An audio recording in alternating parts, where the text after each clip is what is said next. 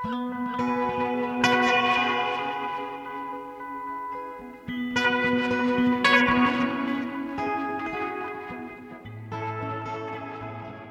og sæl, kæri hlustendur. Halla Harðardóttir og Melkorka Ólafsdóttir heilsa úr hljóðstofu Víðsjár miðgudaginn 1. februar. Í þætti dagsins Venus í feldi og svipmynd af verðlunahöfundi. Í síðustu viku var tilkynnt um handhafa íslensku bókmentavelunana. Velunahafin í flokki Fagur bókmenta er Petro Gunnlaugur García sem hlaut velunin fyrir skaldsöguna Lungu. Petro vakti aðtikli fyrir fyrstu skáldsögu sína, Málleysingjana, sem kom út árið 2019 en þá þegar var talað um nýjan tón í íslenskri skáldsagnagerð. Í umsökt dónemdar bókmentavelunana um lungu var sömulegðist talað um nýjan tón með töfurandi frásagnargleiði sem fer áreinslu og hispuslaust á milli dýfstu tilfinninga og átaka til ævintýralegra gleðistunda með góðsagnakendu ívafi. Petró Gunnlaugur García er gestur viðsjár í svipmyndagsins. Petró, sem er að eiginsögn drifin áfram af samblandi af óta við fólk og viðleitni til viðsynni, segir okkur frá uppvöxtinum, áhrifavöldum og aðferðum við að móta sögur og personur. En við hefjum þáttin á leikúsrýni frá Nínu Hjálmarsdóttur sem segir okkur af upplifun sinni af leikverkinu Venus í feldi sem frumsýnt var í Tjarnabíói síðastliðið 50 dagskvöld. Í frægu riti sínu frá 1905 þrjár ritgerðir um kynverund skrifaði fadir sálgreiningarinnar Sigmund Freud um sadomasokisma, nánar tiltekið kvala losta og sjálfspíslar kvöt. Þar segir hann að saga mannkinsins síni að það sé náinn tenging milli grimdar og kynlegra eðliskvata, að hver sásauki feli í sér möguleika á unaði. Eins og ég skil Freud þá er kynkvötin fyrir honum sálrænt afl sem lifir sjálfstæðu lífi sem hefur þannig séð ekkert markmið, markmið eins og að fjölga sér. Þó svo að kynkvötin virkist oft í ákveðnum líkamslutum getur hún líka fundið ánægju á margan annan hátt með hjálp alls konar kynferðislegra viðfanga og kynferðislegra miða. Því gerir kynkvötin í eðli sínu engan greinar mun á því hvað verður til þess að hún virkist, hvort sem það er manneskja af öðru kyni eða sama kyni, eða aðrir farvegir svo sem gæju þörf, leður áferðar nöytt nú eða kvala losti. Þá kollvarpar fröyd þeirri mítu að kynlífsunaður varði aðeins kynfærin. Það sem er eftir að lesa milli línana hjá honum er að þegar kemur að þessum samfélagslega ósamþyktu lungunum þá erum við í rauninni öll perrar, bara kannski mismikið bældir perrar. Slíkir afbreyðilegir duttlungar, kvalalostin og sjálfspíslar kvötin eru einmitt grunnstef í nýri uppsetningu á leikritinu Venus í feldi í Tjarnarbíói. Höfundurverksins er bandarækjamaðurinn David Ives en það sló í gegn fyrir umlega 12 árum á Broadway og var síðar kvikmyndað af fransk-pólska leiksturanum Roman Polanski. Verkið fær titilsinn frá skáldsögunni Venus í feldi eftir hinn austuríska Leopold von Sacher-Masoch en hugtækið sadomasochismi er sótt til hans. Í bókinni segir frá sambandi þeirra Severins von Kusemski og Vöndu von Dunajev sem enkennist af drottnun og undirgefni. En frásögnin fléttar inn ímsar vísanir meðal annars rombersku giðjunni Venus. Bókin þótti ansi svæsin árið 1870 og ekki hjálpaði að hún var byggð á sönnum atbyrðum í lífi höfundar. Þessi uppsetning í Tjarnarbíói skartar ljómandi þýðingu Stefán Más Magnússonar sem þjónar tilgangi sínum vel. Áhörundur verða ekki varir að um þýðingu sé að ræða. Hinn glæsilegi leikstjóri Tómas Novacek í tólkun Sveins Ólafs Gunnarssonar er í stökustu vandraði með að finna verðuga leikonu fyrir aðalutverkið í leikgerð sinni á Venusi í feldi þegar hávær og viljasterk leikona að nafni Vanda í tólkun Sörudakar Áskirstóttur valsar inn og sannfærir hann um að lesa eða leika með sér leikritið. Vanda ber sama nafn og hvern persóna sögunar kann verkið utanað og veit grunnsamlega mikið um intak þess. Personutnar flakka á milli nútímans og tíma leikritsins inni í leikritinu.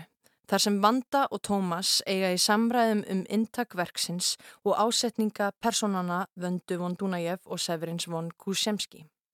Þau ræða sadomasokisman, nöytnina í niðurlægingunni og sársuganum, rífast um hver er að beita ofbeldi og hver sé fórnalampið. Það er hver sé raunverulega við stjórnina. Þá er spurningunni veld upp hvort vanda von Dunajef sé í rauninni tákmynd kvennfrelsis eða tákmynd kúun konunar. Þau takast því á um efni verksins sem lætur áhörundur taka afstöðu til atbyrjarásarinnar, aftur og aftur og afhjúpar þá fyrir sjálfum sér. En smám saman fara línutnar millir leikritsins og leikritsins inni í leikritinu að afmást og personutnar fjórar fara að bráðna saman með þeim afleiðingum að mörg raunveruleikans verða óræð.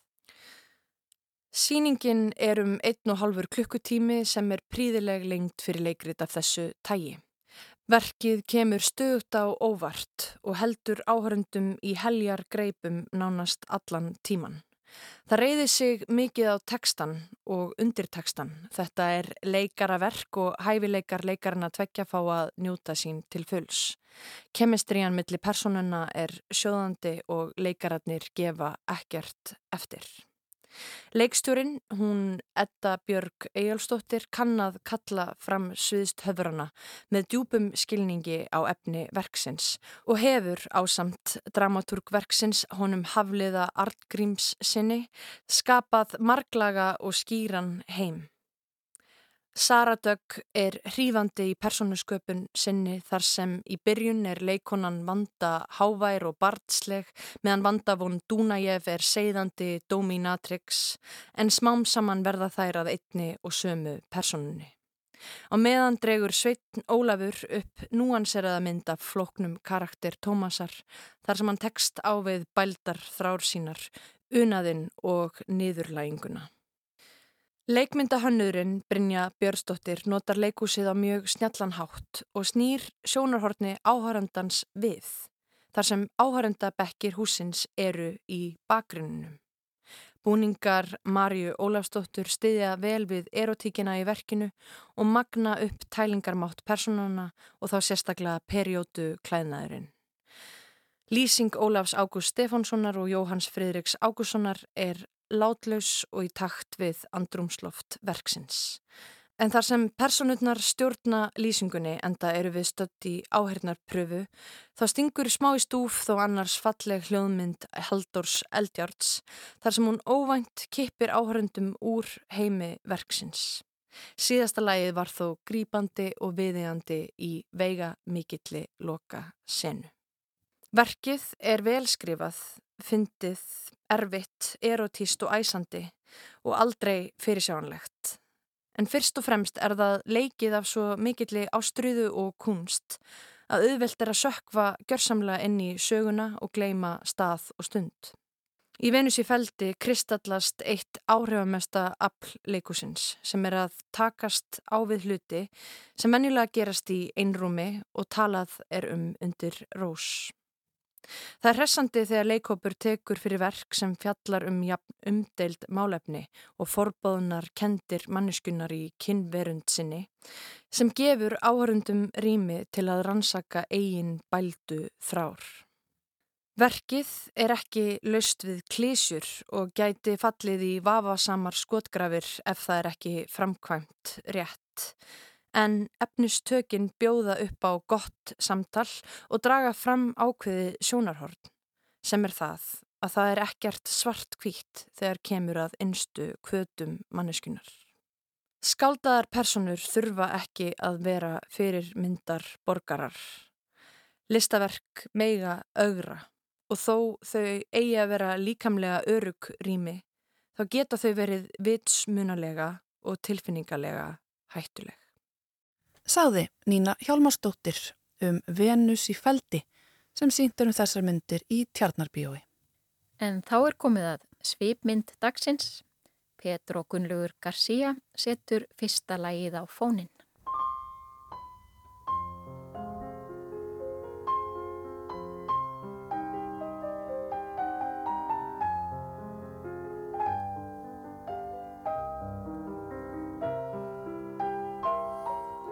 Je vous parle d'un temps que les moins de vingt ans ne peuvent pas connaître. Montmartre en ce temps-là accrochait ses lilas jusque sous nos fenêtres et si l'humble garni qui nous servait de nid ne payait pas de mine. C'est là qu'on s'est connu, moi qui criais famine et toi qui posais nu.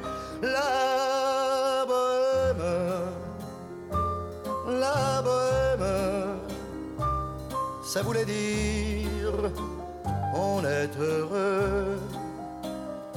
La bohème, la bohème, nous ne mangions qu'un jour sur deux. Dans les cafés voisins, nous étions quelques-uns qui attendions la gloire. Et bien que miséreux, avec le ventre creux, nous ne cessions d'y croire. Et quand quelques bistrots, contre un bon repas chaud, nous prenaient une toile, nous récitions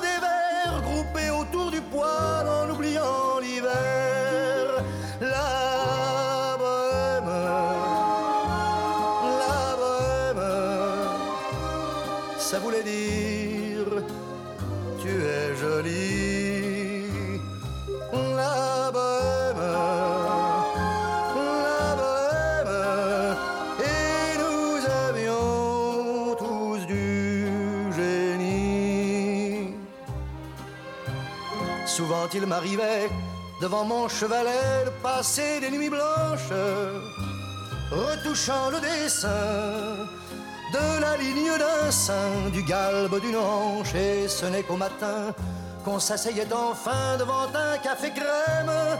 Épuisé mais ravi, fallait-il que l'on s'aime et qu'on aime la vie?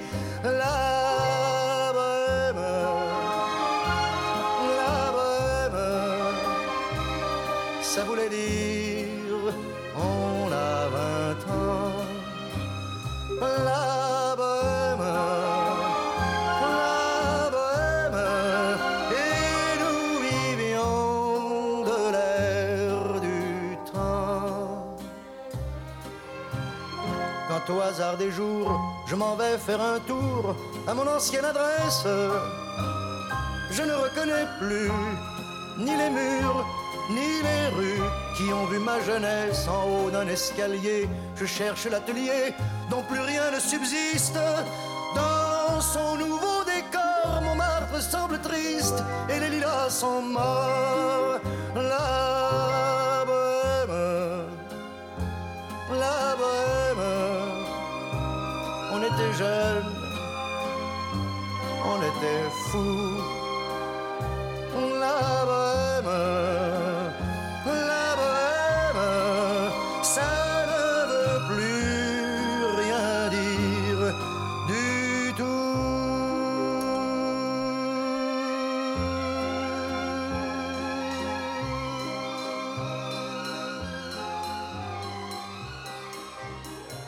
Petro Gunnlaugur, velkomin í Sveipmynd. Takk, Takk fyrir að koma. takk, takk. Þú valdir Charles Aznavour, La Bohème. Mhm. Þetta var fyrsta lagi sem við heilum. Indislegt, notalegt, fallegt lag. Já, þetta er svakalega rödd, Já, Asnafúr.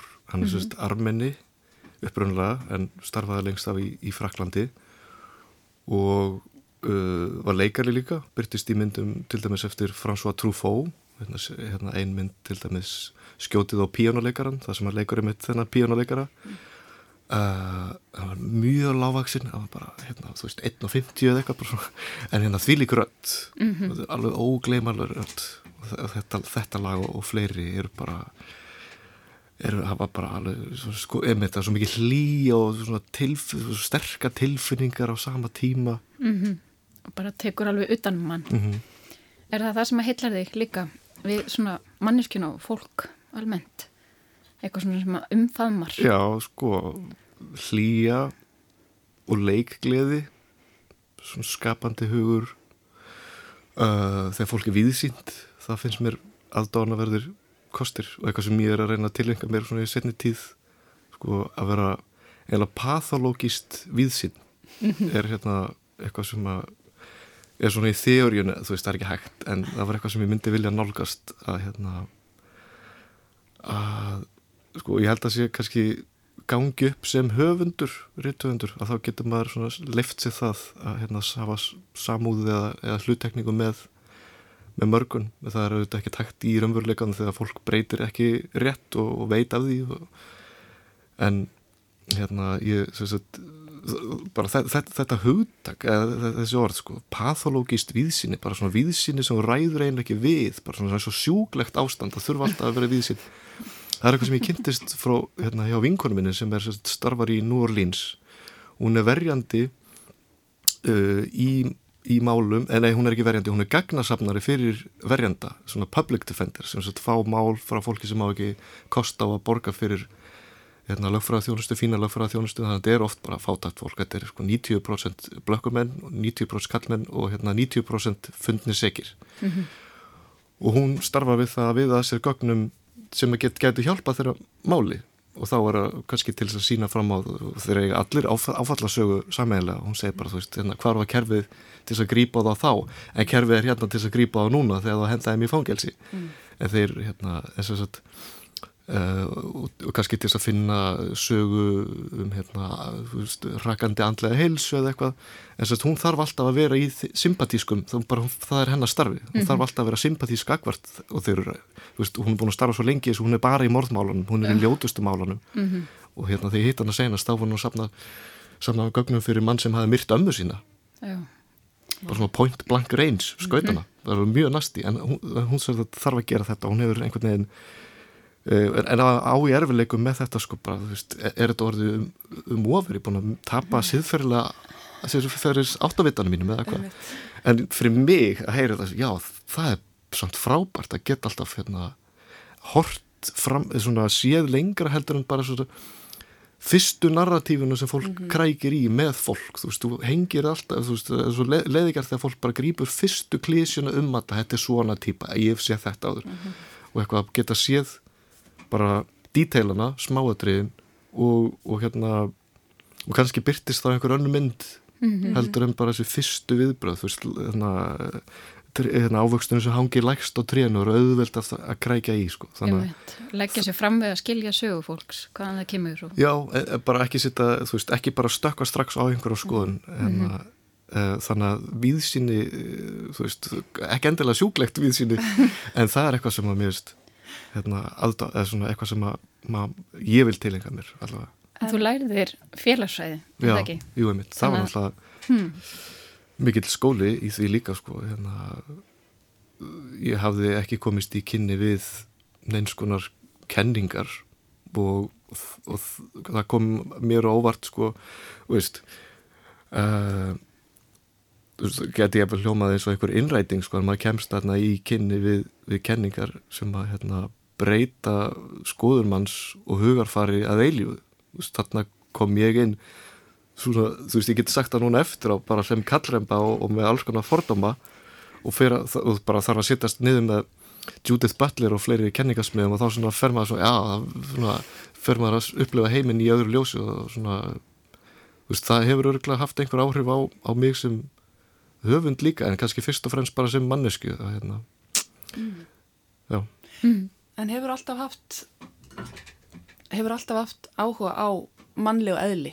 Hefur alltaf verið forvitin um fólk? Nei, ég hef alltaf verið hrættið við fólk og mm. það er svona hmm. fascinasjón sem að stafar bara úr örgi, já, bara svona óörgi og óta mm.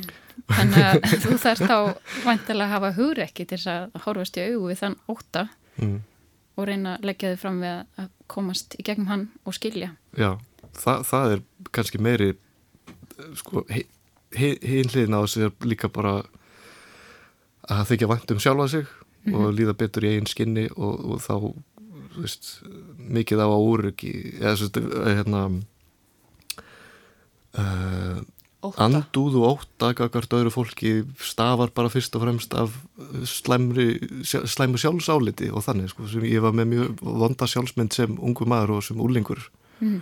og hann á leið bara mjög illa og þá náttúrulega bara fannst, fannst mér allir vera alveg umöðleir og ómöðuleir lengi vel Fastur í ykkur varnakerfi Já, mm. og hérna sem að fór ekkert að skána fyrir úr þrítugu bara sko.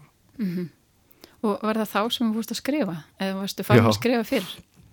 Ég, ég hérna sko, ég valdi að vera að búa til sögur og ég og bróðum minn sem þetta erum munar, það er ekki langt á, á millakar í aldri hérna, og við vorum bara skemmtikraftar í lífi hvers annars vorum, hérna, skiptumst á smásugum eða gerðum saman og byggum til teikmyndasögubækur og, og stuttmyndir, brúðmyndir við, fór, við svona árabil var að vani hjá okkur að bara strunsa inn í íbúð frænk okkar sem átti dóttur sem átti hérna, fullt af Barbie og, og svona dóttari og myndavill svo stiltu við upp myndavillinni og reyfðum barbíkall barbíkonu og svo þú veist tókum við beina sekundu og svo veist svona byggum til þannig reyfmyndir hérna, við fórum bara beintinn þú veist á þess að heilsa fólkinu sko. Fyrir að þurftum að gera stu, hérna, svona, svona stoppmyndir stoppmotionmyndir Þannig að sagnamennskan byrjaði þar?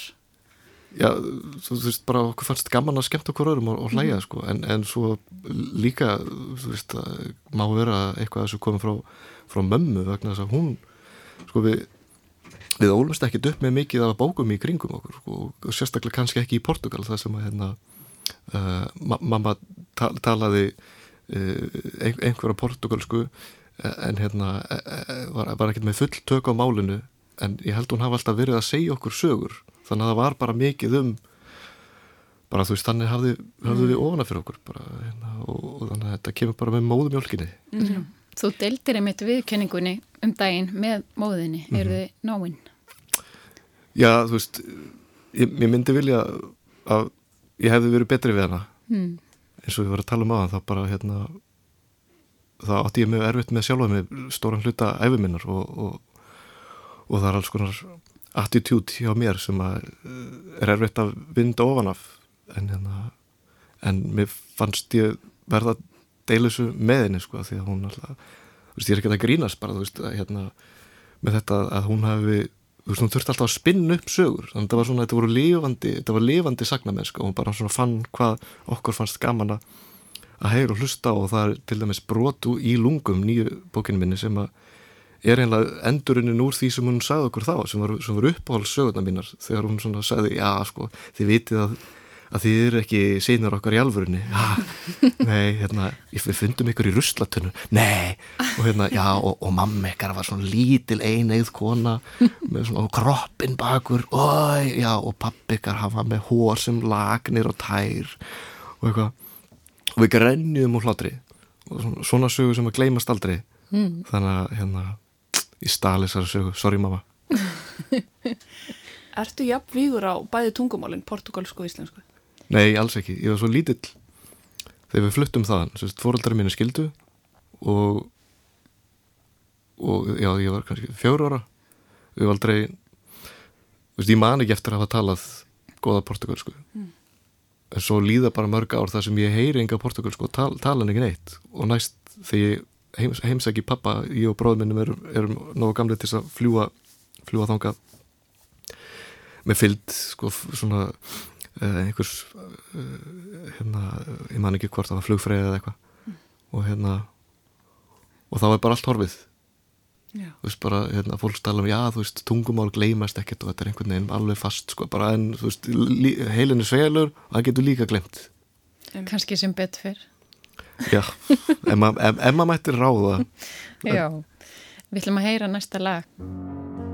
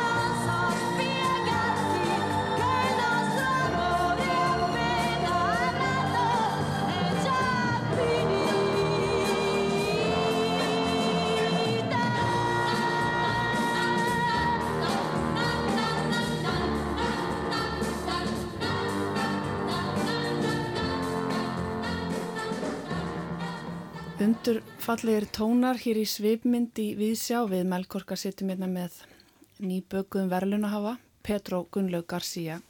Segð okkur frá þessu lagavali, Petró.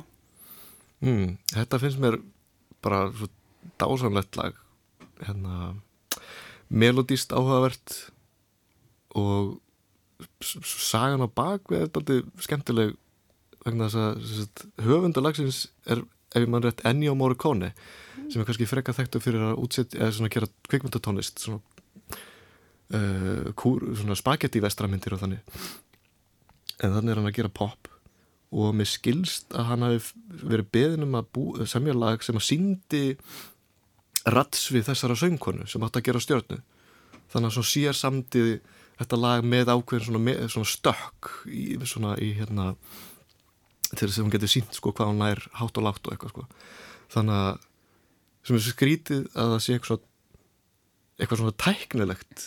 Mm -hmm. tæknileg hugsun á bakvið þetta lag en þegar maður hlustar á það þá far maður bara svona eitthvað tilfinningu beint í eið Já, þetta sé planað. Já, hérna bara sínir líka hvað hérna þú veist, e, e, þegar listamæðurinn er að gera eitthvað þá er kannski eitthvað tekníst sem að viðkomandi hefur í huga. Mm -hmm. en síðan viðtakandin upplifa það sem bara eitthvað svona pjúra svona bara tilfinningarlega eða hérna, hefur svona hughrif Talandum tækni hvernig, eh, hvernig er þín tækni þegar það kemur að skrifum? Hvernig er þitt tempo? Mm. Hvernig vinnuru? Já, það hefur verið rosa blandað sko. eins og til dæmis með lungu þá þá fór eiginlega ekki orð á blað fyrir en svona þrjá fjóra mánuði sem ég var bara gera svona punta um hvað ég vildi hvern, hvernig bóki myndi vilja gera. Og hérna, mér þess að gerði eitthvað svona skemu sem voru bara svona, nána svona þeorísku plani án þess að vera bundi við personur eða staði eða senur. Og hérna bara um eitthvað svona grunn þemu sem ég myndi vilja fjalla um. Og hérna eitt sem ég var til dæmis svona að gleima en ég var að skoða gamla stílabók uh, frá, því, frá þessu tímabili það sem ég var búin að og ég var búin að stengleima þess að ég var búin að bara gera eitthvað svona skema yfir hvernig óryggi getur byrst hmm. og svo var ég búin að setja personur bara á einhver svona, einhverja kvarða bara svona uh, stundum, það er persóna sem sagt, ef, ef það er, ef er eitthvað sem óttast eða eitthvað ekki þá hleypur um beint í áttina því til þess að þú veist einhvern veginn, mm. það er mhm. viðbræði og svo mm. önnur sem, sem flýja og það er kannski al, al, algengara sko. en þarna var ég búin að gera eitthvað svona þeoríska hugsun að bakvið eitthvað sem voru bara algjörur eigður, bara útlínulausar mm -hmm. karakterlausar bara, þú veist, alla personur uh, en síðan þegar maður fer á stað í þávinnu þá tekur það þetta völdin, þú veist, personuna sjálfar og, og, og hvernig þær eru þannig að hitt svona þú veist, það fjar, fjarar undan einhvern veginn en hérna En gætur þú tekið karakterina úr sögunni og, og setta á þennan kvarða núna? Já, það er, þú veist ég, ég var að reyna að gera það þá sko og hérna sumt að því gengur eiginlega upp mm -hmm. en þá en þetta var, þetta var bara einhver hækja held ég til þess að koma mér að stað og eitthvað bara svona því ég vissi ekkert hvað ég ætlaði að gera mm -hmm. en hérna ég held að þetta hafi verið þú veist það voru tveir höfundar kannski sem höfðu mikil áhrif á mig á meðan þú veist bókin var að fara á stað allavega og það var bara því að vinkona mín sagði harpar hún skáld mm -hmm. þegar hún las fyrstu bókina mína og sagði já ok, þetta er mjög misjöpp bók en svona sumt sem er fínt sem minnir kannski á Kundera og Allende mm -hmm og ég er bara, já ok, kannski ætti ég að lesa þau almenlega til að sjá hvað það var sem var fínt hjá mér svona, svo ég geti bara haldið að fara að þróa það mm -hmm. og frá kundara kemur þetta, þú veist, hann gerði þetta til, til dæmis í óbærilegum léttleika tilvörunar þá, hérna, þá var hann mér bara opið með það í, í text í prósanum sjálfum um að þetta séu bara uh, þú veist, hann séu með bara eitthvað svona þeoríst spil að bakvega þessar personur og það er séu, þú veist Mm -hmm. veist, sem er reyndar svona, ó, svona óþarfa hóvarð sko því að veist, hann gerir reynda vel í því að draga síðan upp personu sem að virka sann, sannfærandi uh, en það var einhver áhrif þaðan og svo með að jendi það kannski, það byrtist kannski með mér með augljósara hætti í bókinu því að það, var þá stá bara að já ok, eitthvað svona töfrandi mm. töfraraun segi og, og það náði líka bara að fríja mig úr þessum ströngu uh, pælingum sem ég hafa verið með að, að þurfa að vera uh, já, svona ofbundin sálfræði og, og hérna einhverjum uh, svona einhver, einhverjum já, veruleikanum bara. Mm. það gaf manni mikið frelsi. En síðan hérna er frasi sem ég held mjög upp á uh, sem að mér skilst að koma frá tólstæði þú getur skáldað allt nema sálfræði. Veist það þarf alltaf að vera sálfræðilegur bara trúverðugur grunnur að personum mm -hmm. og ef að persóna hægða sér ekki í samræmi við það sem að byrðist vera hennar ka karakter að þá trúir enginn sögunni. Þá mm. virkar, þá, eða mitt fjara rundan trúverðarleikanum þannig að það þarf alltaf að vera það, er, veist, það þarf alltaf að vera með líka. Heldur það að sé styrkur lungna að hversu stutt það er á milli félagslega raunsægisins og töfraraunsægisins? Já, ég meina bara því, því líka áhætta þú veist, það er bara um, hérna og það var ekkert víst að það gengi upp og, og öruglega finnst sumum lesundum að það ekki hafa gengið upp og hérna ég veit bara að við lesura mínum að sumur ströggluðu með þetta sko og getur eiginlega ekki mm -hmm. gert bæði og þetta er bók inn í bók mm -hmm. þannig að veist, þá finnst mér ég hafa veist, þeimun meira leiði til þess að hafa suma kapla fantastíska mm -hmm. og það kemur líka á daginn að höfund, höfundurinn bókarinnar sem er innan bókarinnars viðkenni það, hann segir hérna að Marta af þessir fært í stílinn og bara þú veist að því að þú veist maður vil skemta sér við, við að skrifa og það þarf að vera smá þú veist sérstaklega að vera fjallum fortíðina þá þarf að vera eitthvað góð, góðsagnar blær mm -hmm. yfir því þú veist eins og mann eins og þú veist ég veit ekki mér finnst það með, með fortíð uh, mína eða þú veist líf af og ömmu þú veist fyrir mörgum mörgum árantöfum síðan það er eitthvað svona pínu góðsagnarkent við það Einmitt. og náttúrulega talandi minningar mm. það er alltaf einhver ákveðin skálskapur í Jú, minningum Já, akkurat mm -hmm. þannig að, já Já, talar um það áðan sko að listamenn hefðu alltaf eitthvað form til að vinna inn í en svo er það bara auðvitað lésandans eða þess sem að horfir að meðtaka og upplifa og verða fyrir einhverjum hughrifum áhrifum sem að þú kannski ræður ekki við Nei En uh, hvaða hugri vildur þú vekja með lungum? Mm.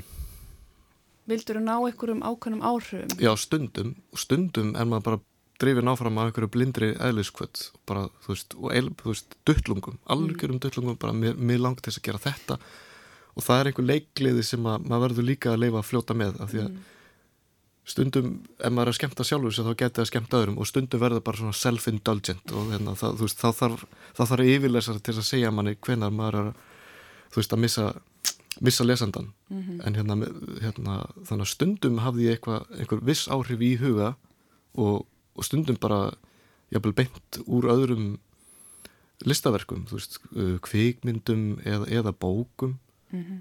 og hérna Uh, ég veit ekki hvort ég er eitthvað frá uppljóstra hvað það var. Já, þú veist eins og með og sumt alveg blasir við og það er kannski töfra raunseði sem að hérna fer ekki fram hjá neinum er veist, undir áhrifum frá söður-amerísku bylginni þannig uh, svo eru kveikmyndir hérna endir á franskri bíómynd sem heitir Le Chateau de Mamère uh, sem ég finnst svo ótrúlega fallegur. Ég vildi ná einhverjum svipuðum andblægi og þar. Uh, og an, an, önnu skrítin áhrif sem að sem koma frá sóvjaskri teiknumind frá sjötta eða sjönda áratögnum sem, sem mér hefur aldrei tekist að finna aftur. Leiðan á vídeospólu einhver tíma bara fyrir 20 árum. Og það stuttmynd og gerist í hérna bara einhverjum litlum bæ og það er mikið litagleði og, og það er bara það er bændur og krakkar að hlaupa um og dýr og bænum. Svo byrjar einn hvít lína að þurka út litina. Mm. og svo þurkast út einn persóna og svo þurkast út eitt hús svo hverfur heiminin og svo er allt að þurkast út og svo svona fyrir fólkið í myndin átt að sjá því og þau bara svona byrja að hlaupa undan og ég hugsa að þetta hafi verið e, mögulega takkrænt fyrir rítskoðun eitthvað svo leiðis en ég held ég hef ekki fattað það þá. Mm -hmm. en það var bara, það hafði tilfinningarlega áhrif að mm -hmm. sjá bara, þú veist personur sem hefur verið bara, myndi fjallaði ekki um neitt, eða minnir ekki. Þau voru bara eitthvað data, data, lappa um og gera eitthvað hverstaslætt en svo byrja heimurinn að þurkast út. Og svo er það e- eina sem lifir er bara eitthvað eitt dýr sem bara svona horfir og þetta hvítar að koma og svo hverfur það líka. Og svo er Mhm. allt búið. Vá, og hérna ymmið og mér langaði til þess að gera svona líka. Einmitt. Það má Kanns- kannski segja að svona eitthvað heimsendablæti og, Já. og ákveðin lífsleiði Mm. eru kannski leiðastef að einhver leiti en finnst þér kannski að skrifin getur verið mögulega einhver svona leiði til að eiga við þetta og talar hérna áðan um að þú hefðir svona kannski gert hluti í fortíðinu sem að þú hefði vilja get, gert Já, öðruvísi erst að bæta fyrir það, erst að reyna að koma með eitthvað svona eitthvað betra, eitthvað von mm. Inn í samtíman komið litin aftur inn í tæknimyndina Já, sko, ég veit ekki með með endalega mitt líf þú veist, eða hvort ég sé að reyna uh, ég, ég get ka kannski svara þessari spurningu bara út frá viðbröðunum sem ég fekk við fyrstu bókinni. Uh, og ég viss hann hafi verið mjög grótesk og gengið daldi langt og verið kannski daldi ljót en mér fannst það bara gaman, þú veist, mér fannst gaman að skrifa hana en síðan þegar fólk fyrir að veist, fjallum og segja, já það er eitthvað svona nýhílísk svona andstigð á veröldinni sem byrtist í bókinu svona, já ok, það er kannski bara eitthvað sem að mér finnst um heiminn og það er kannski eitthvað sem ég þarf að svona, veist, hugsa um. Hérna og og hérna síðan voru líka bara atbyrður í lífi mínu og í heiminum sem átt, sér stað bara þegar ég er að fara af stað með að skrifa þessa bók. Að hérna ég gengi gegnum sambandslit sem voru mjög erfið og þá líka bara, þá rakst ég á þennan vegg í lífi mínu sem er ég sjálfur. Bara alls konar hlutir, bara svo manneska sem ég var eigðilaði eitthvað sem var mér mjög kert og batt enda á líf sem hefði gett orðið. Bara því ég hafði, þú veist hérna, eh, ég var ekki eins góðu maður og ég hefði viljað að ég væri.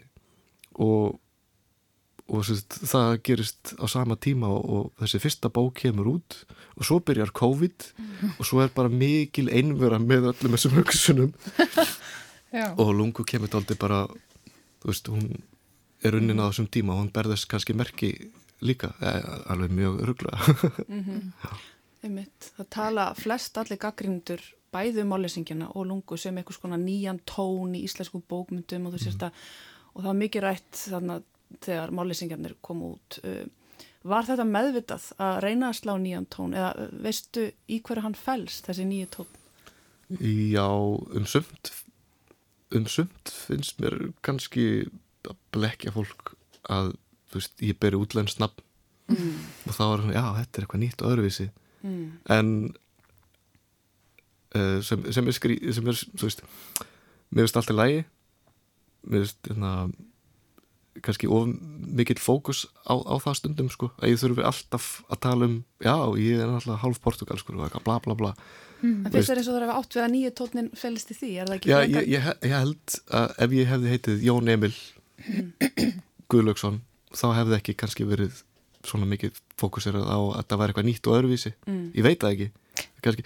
En, en, svo, en svo til að taka svara spurningun almennilega þetta var formáli að þá hérna, já, sko ég, ég kem ekki úr yllist þannig að ég hérna skrifaði fyrstu bókina bara einn og, og hérna ekki, þú veist, það var enginn sem lasi yfir þannig að hún fekk að vaksa daldi vilt og galið og verða einhver bara svona prívat brjálæði.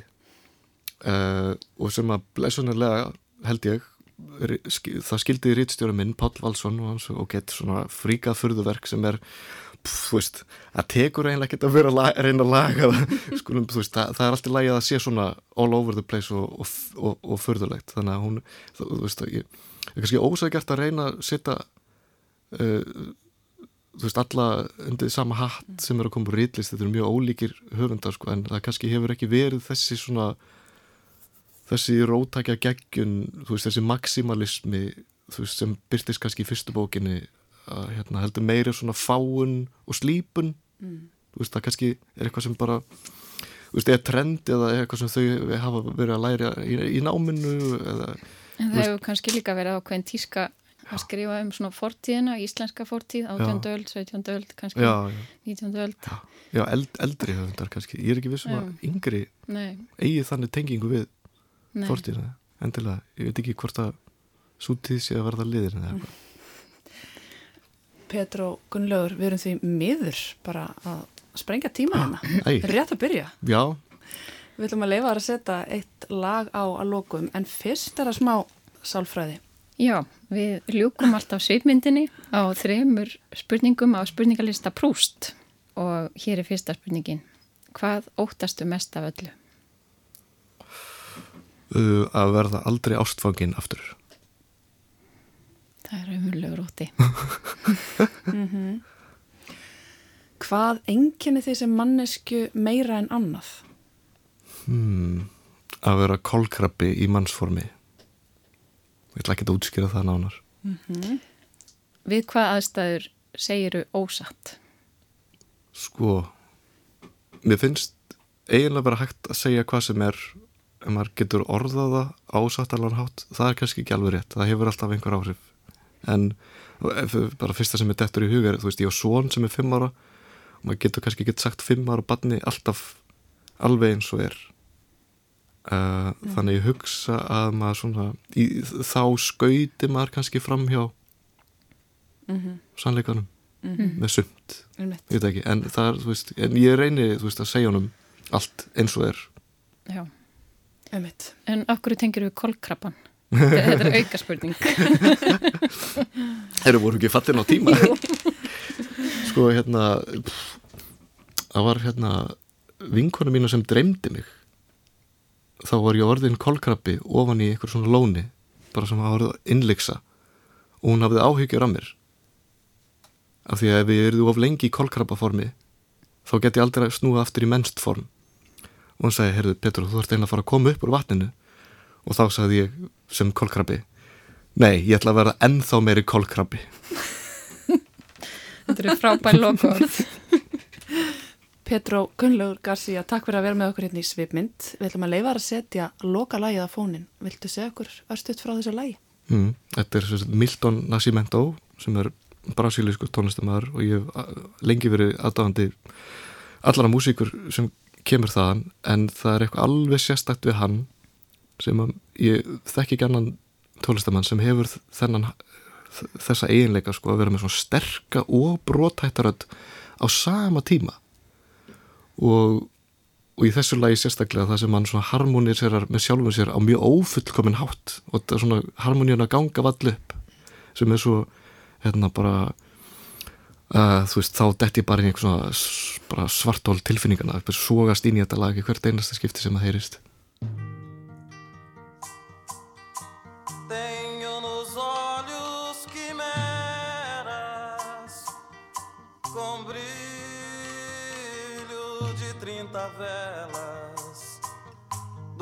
sexo pulam sementes, explodindo locomotivas. Tem os intestinos loucos no rosário de lombrigas. Os meus muslos são poucos pra ela.